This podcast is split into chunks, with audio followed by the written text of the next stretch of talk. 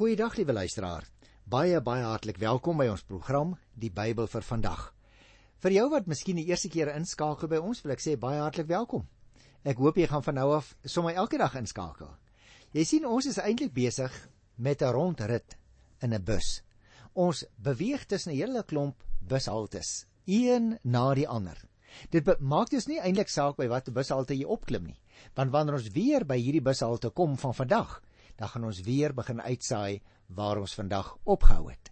Met ander woorde, in 'n loop so van net meer as 5 jaar min of meer, gaan ons deur die hele Bybel van Genesis tot Openbaring. Bid asseblief vir ons program, die Bybel vir vandag. Bid dat deur die werking van die Heilige Gees, spreker en hoorder, naby die hart van die Here gehou sal word deur die Heilige Gees, sodat ons die influisteringe van die Gees sal verneem deur hierdie wonderlike, wonderlik geïnspireerde boek wat deur die genade van God op 'n baie besondere manier tot stand gekom het. Ek het eendag vertel, ek het dalk dit baie lanklaas gedoen, dat die Bybel eintlik oor 'n lang periode ontstaan het. So tussen 3 en 400 mense het geskryf van die ontstaan van die Bybel oor 'n periode van nie minder nie as 1400 jaar. Mense wat mekaar nooit geken het nie. Mense wat mekaar nooit gesien het nie mense uit verskillende be bevolkingsgroepe, mense op verskillende vastelande, mense op verskillende vlakke van opleiding en tog ja, tog het hulle mekaar inhoudelik nêrens weerspreek nie. En daarom wil ek hê liewe luisteraar, jy moet weet in ons program die Bybel vir vandag aanvaar ons die Bybel onvoorwaardelik as die geïnspireerde woord van God. Die pilare van die Christelike geloof, naamlik die vlekkelose ontvangenis van Jesus Christus deur die Heilige Gees. Sy sterwe, sy opstanding uit die dood, sy opvaar na die hemel en sy wederkoms. Dit is byvoorbeeld van die kernpilare waarop die Christelike geloof staan en ons aanvaar dit onvoorwaardelik omdat die Bybel, die woord van God, dit vir ons leer. Ek gaan vandag met jou gesels oor Psalm 64 en 65. Bo in Psalm 64 staan daar: Die regverdige verbly hom in die Here. Nou ek dink dis 'n baie baie belangrike tema en daarom het ek ook die paar opmerkingies gemaak oor hoe ons die Bybel en die gesag van die Bybel sien in hierdie program. Want jy sien volgens die Bybel, liewe broer en suster, liewe luisteraar, is jy en ek as ons in Jesus Christus glo, is ons ten spyte van al ons foute en tekorte regverdige mense in God se oog. Hoekom? Nie omdat ons wonderlik is nie, nie omdat ons enige iets gedoen het om ons nuwe posisie voor die Here te verdien nie, maar omdat Jesus Christus vir ons die prys betaal het sodat die wat in hom glo kinders van God genoem kan word. Kyk gerus in Johannes, die eerste evangelie, die 12de versie dan sal jy dit daar sien. Aan elkeen wat in hom glo, het hy die reg gegee om 'n kind van God genoem te mag word. En daarom is hierdie opskrif heeltemal gepas. Die regverdige verbly hom in die Here. Baie interessant as 'n mens kyk na Psalm 64. Die opbou van hierdie Psalm is eintlik baie eenvoudig. Op gebede om verhoring en 'n klag oor die vyand in vers 2 tot volg daar 'n beskrywing van die verhoring in die vorm van 'n bestraffing van die vyand. In vers 8 tot by vers 10 kan dit nou nou weer vir jou uitwys. Dan die gebed en die verhoring en die klag en die straf sluit by mekaar aan deur die doeltreffende gebruik van woorde wat herhaal word. So as ons nou net die Psalm lees, dan moet jy oplet, 'n hele paar woorde herhaal meer as een keer. En die herhaling van woorde bied vir ons eintlik 'n sleutel om die Psalm beter te kan verstaan. Ek wil vra dat jy sal oplet as ons die Psalm behandel en as jy dit self lees by die huis op jou eie, kyk of jy daardie herhaling kan raak sien. Want, liewe luisteraars, soos die meeste psalms, is hierdie psalm ook nie verbind aan enige historiese verwysing of sinspeling nie.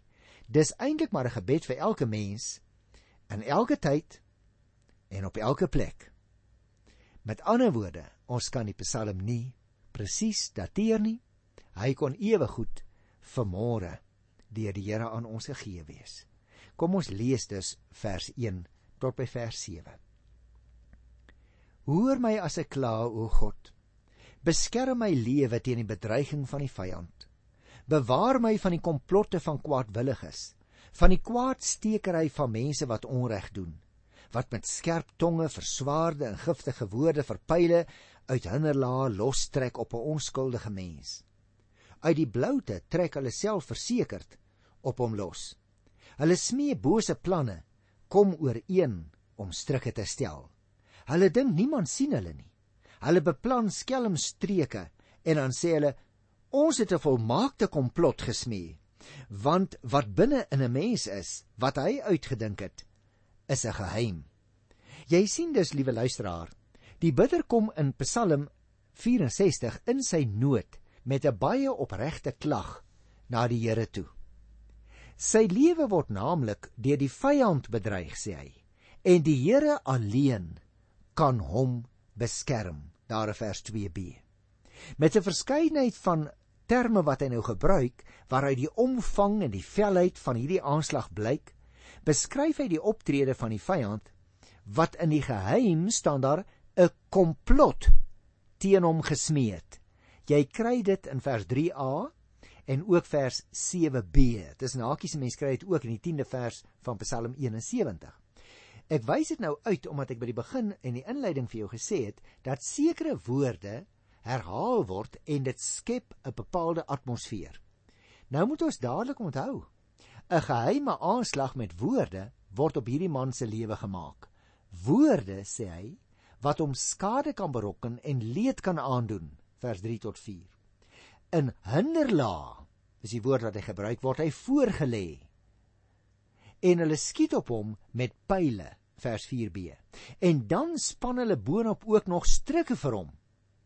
Nou, dit is dus baie duidelik dat die aanslag wat op hierdie man geloods word, 'n baie heftige een is. Hy kom nou in sy nood met 'n baie opregte klag na die Here toe. Sy lewe word deur vyand bedreig en die Here alleen kan hom regtig teen hulle beskerm. Die vyand of vyande miskien het 'n geheime komplot teen hom gesmee. En uit die verskeidenheid van die woorde wat dit gebruik word, blyk juis die omvang en die velheid van die aanslag. Nou kom ons kom dan by die tweede gedeeltjie, vers 8 en 9. Dan tref God hulle met 'n pyl en met eens is hulle daarmee heen. Hulle eie tonge het hulle tot 'n val gebring. Elkeen wat dit sien, knik met voldoening die kop. Met ander woorde, God draai nou die kwaad wat vir sy kind bedoel was om juis teen die wat die kwaad bedoel het. God se dade, luisteraar, vind nooit in die geheim plaas nie. Die mense kan sy werke sien.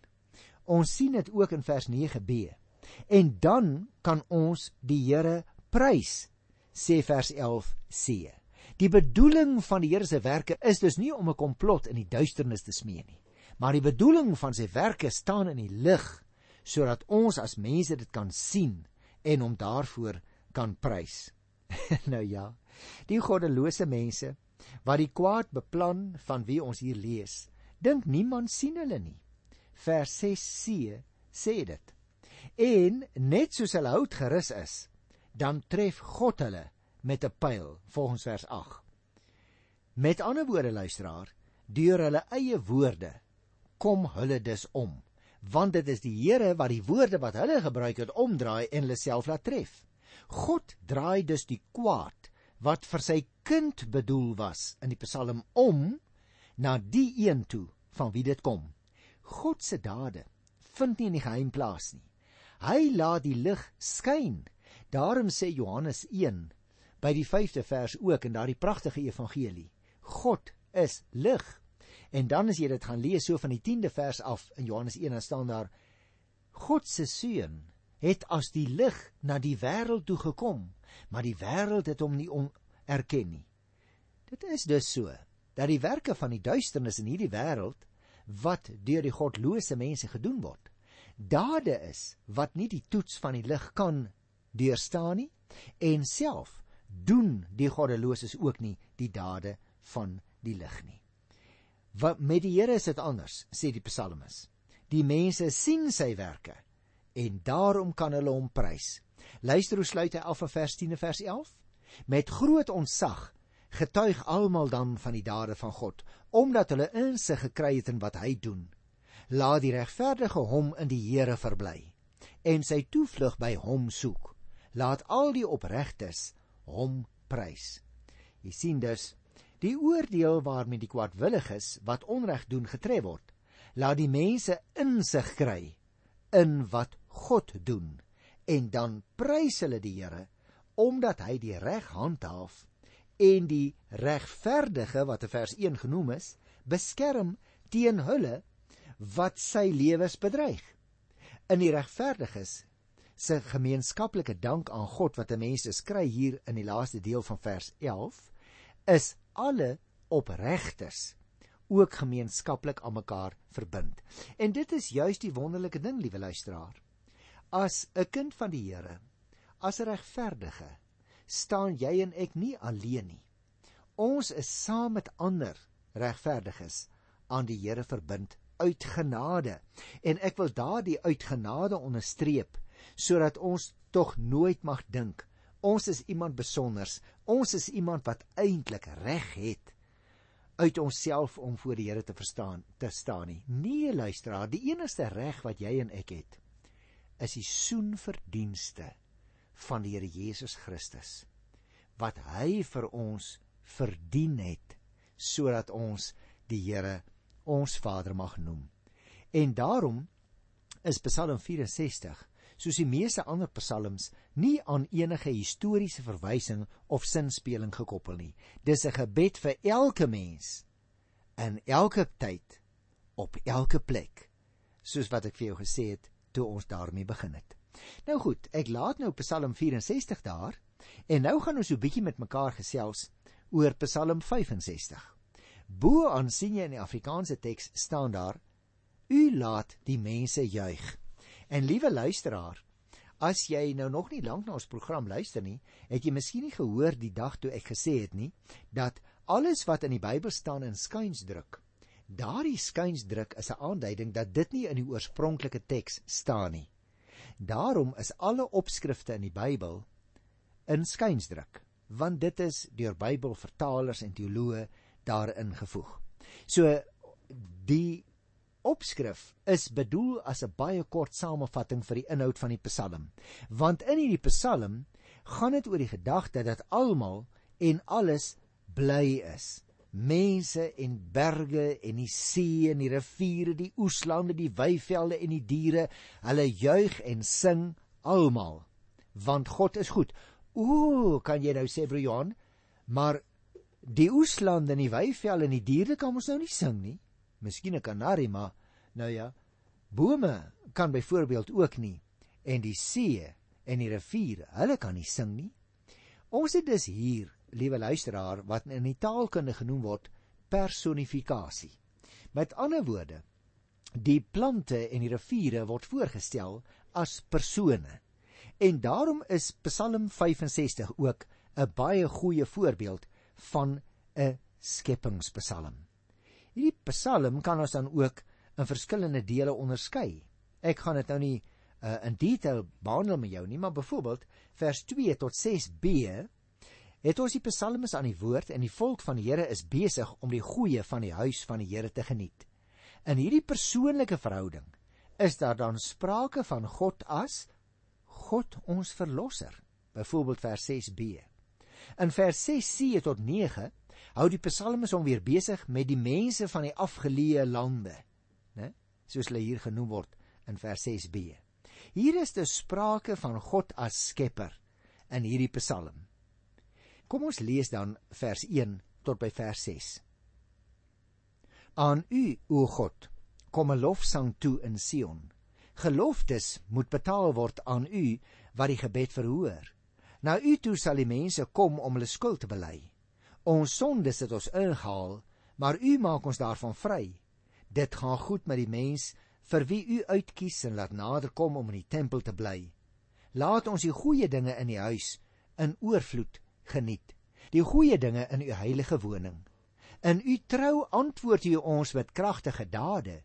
O God, ons verlosser, op wie ook die mense in afgeleë lande en op verre see vertrou. Nou luisteraar, miskien is jy ook op 'n afgeleë plaas. Miskien luister jy na hierdie CD in 'n verre land, ver hier van die suidpunt van die groot kontinent Afrika af, waar die Here ons geplaas het en waar ons hierdie programme gemaak het hier in Pretoria. Maar weet jy wat? Ons psalmis in Psalm 65 sê: Al is jy in afgeleë lande, al is jy op verre see, kan jy steeds op die Here vertrou. Die interessante is dat God in Sion is. En hier in die stad waar hy hom in die natuur en in die geskiedenis geopenbaar het, moet 'n loflied aan hom gesing word. Dit kom hom toe. So staan daar in vers 2a. Aan u o God kom 'n lofsang toe in Sion. Daarom het ek vir jou gesê, dit gaan oor 'n loflied wat in Jerusalem gesing is, waarskynlik by die tempel. Hy verhoor die gebede van mense wat hulp vra en hulle moet hulle geloftes waarmee hulle hulle dank betuig aan hom betaal. Ons het dieselfde gedagte natuurlik gekry in Psalm 22 vers 26 en jy sal dit ook kry in 1 Samuel die eerste hoofstuk vers 11 en ook vers 24 tot 28. Jy moet dus nou mooi oplet hier by vers 4. Skuldbelydenis en sondebesef en gebed om verlossing is egter die voorwaardes waaraan voldoen moet word voordat God se lof werklik eers deur jou en my as ou mensies besing kan word. Dit is dus presies dieselfde gedagtes wat ons ook kry agter in die Bybel. By 1 Johannes 1 byvoorbeeld. Toe was Johannes waarskynlik al 'n man van ongeveer 90, 95 jaar. En dan sê hy daar in 1 Johannes 1 vers 8: As ons ons sondes bely, God is getrou om ons ons sondes te vergewe en ons van alle ongeregtigheid te reinig. Jy sien, liewe luisteraar, mens kry dieselfde gedagtes oor God. Van Genesis tot Openbaring. En oor die 1400 jaar min of meer waaroor die Bybel tot stand gekom het, deur Bybelskrywers wat deur die Heilige Gees geïnspireer is, het die Heilige Gees die leiersels gehou sodat hulle almal dieselfde dinge oor God neergeskryf het. Nou is daar natuurlik hier en daar kulturele en agtergronds en historiese verskille wat na vore kom in die Bybel. Maar liewe broer en suster, ons kan dit baie goed verstaan want mense het aan die Bybel gewerk. So oor die inhoudelike, oor die heilswaarhede, hoef ons nie 'n oomblik te twyfel nie. Alwys sommige geleerdes in ons tyd sommige tye vir ons hier en daar 'n historiese blaps in die Bybel uit. Dit laat ons geloof nie wankel nie, want die Bybel is per slot van sake nie 'n historiese handboek nie, maar 'n boek met 'n boodskap, naamlik die boodskap van die reddende genade van God. En daarom wil ek verder lees hier in Psalm 65 van vers 7 tot by vers 14 luister. U is met mag omgewe. U laat deur die krag die berge vas bly staan. U laat die gedruis van die see, die geraas van die golwe, die rumoer van die nasies bedaar, sodat ook die mense in afgeleë lande ontsag kry vir die tekens van u mag. In die ooste en in die weste laat u die mense juig. U sorg vir die land, gee oorvloed. U maak dit baie vrugbaar. Die groot riviere is vol water. U laat die koring welig staan. Alles is u werk. U maak die ploegvoere vol water en die kluite nat. U laat hulle sag word van die reëns. U laat alles welig groei. U kroon die jaar met u goeie gawes. Waar u ook gaan, is daar oorvloed. Daar is volop weiding in die woestyn. Die bulte juig. Die velde wemel van die kleinvee. Die vlaktes staan vol koring. Hulle juig en hulle sing. Is dit nie 'n pragtige skepingspsalm nie? Ek het vir jou gesê, dit bestaan eintlik uit twee sentrale gedeeltes. Vers 1 tot 6 en dan vers 7 tot 14. 1 tot 6 het ons afgehandel. Nou kom ons gesels oor hierdie tweede gedeelte, naamlik vers 7 tot by vers 14. Jy moet mooi oplet. Die goeie dinge soos dit nou genoem word. Die goeie dinge waarvan in vers 5 sprake is, sluit in onder andere gebedsverhoring. Kyk in vers 3 en ook in vers 6a. Die goeie dinge sluit in verlossing. Kyk in vers 6b. Dit sluit in die sorg vir alle mense. Dit staan sommer op 3 plekke. Staan in vers 3b, 6c, 6d. O ja, en hier sien ek dit in vers 9 ook. Met ander woorde, die Here se sorg vir mense word 4 keer genoem. 'n Ander goeie ding is die onderhouding van die geskape orde. Vers 7 en 8. Ook die reën en die goeie oeste in vers 10 en 11. En dan natuurlik ook nog die groot veestapel en die oorvloedige veiding in vers 13 en 14. Jy kan dus verstaan as daar geskrywe is almal en alles is bly. Mense, berge, see, riviere, oeslande, weivelde en diere. Hulle juig en sing. Want hoekom? God is goed. Mag ek vir jou die inhoud van Psalm 65 so 'n bietjie probeer opsom, liewe luisteraar? In hierdie Psalm word die heerlikheid van die Skepper God wat in die natuur weerspieël word, besing. Die natuur help mos vir jou en vir my om iets van die goddelike karakter van die Here te probeer verstaan. Israel het naamlik geglo dat sy voorsiening in die natuur 'n bewys van sy liefde vir hulle was. Ons sien in die natuur vandag nog hoe vrygewig die liewe Here is, liewe luisteraar. Hy gee vir ons soveel meer as wat ons nodig het om van te lewe. Hy gee vir ons soveel meer as wat ons ooit sou kon verdien. En daarom moet ons dit altyd onthou. Dan sal ons ook dankbaar wees ook oor dit wat ons het. En dan sal ons dit wat ons het ook baie keer met ander mense deel. Ten slotte enkele opmerkings. Die Here is volgens die Bybel die Skepper God. Ons het dit nou hier pragtig mooi gesien in hierdie Skepingspsalm, Psalm 65. Die Here staan dus in die tyd waarin hierdie Psalm ontstaan het, staan die Here lynreg diagonaal teenoor die skeppergode van daardie tyd. Met ander woorde Baal, die vrugbaarheidsgod, en Astarte, die vroulike teenpool van die vrugbaarheid van Baal.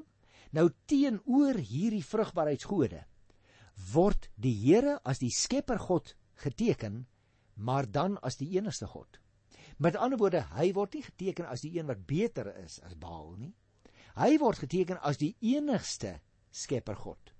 En daarom is 'n skepingspsalm soos hierdie vir jou en vir my baie belangrik. Ek het jou al van tevore sekere verskille uitgewys tussen die skepingsverhale van die ou heidense volkere en die skepingsverhaal van die Bybel. Kom ek herinner jou aan een of twee. In buite Bybelse skepingsverhale stap die gode oor die aarde. Hulle tel klei op Hulle rol die klei in hulle handpalms tot ronde balletjies en die balletjies wat hulle oor hulle regterskouer gooi, word mannetjies en die oor hulle linkerskouer word vroutjies. Maar wat is die basiese verskil? Die verskil met die Bybelse skepingsverhaal is in die Bybel is daar geen klei om mee te begin nie. In die Bybel skep God alles wat bestaan uit niks En nou leer Psalm 65 vir ons vandag. Daarom kan ons maar net na die vingerwerk van die Here in sy skepping kyk. En dit sal ons laat uitbreek in 'n lofsang op die Here. Ek sluit dus af met Psalm 65 vers 13 vir vandag. Daar is volop weiding in die woestyn. Die bulte juig, die velde wemel van die kleinvee, die vlaktes staan vol koring. Hulle juig en hulle sing tot volgende keer in die wonderlike naam van die Skepper God. Totsiens.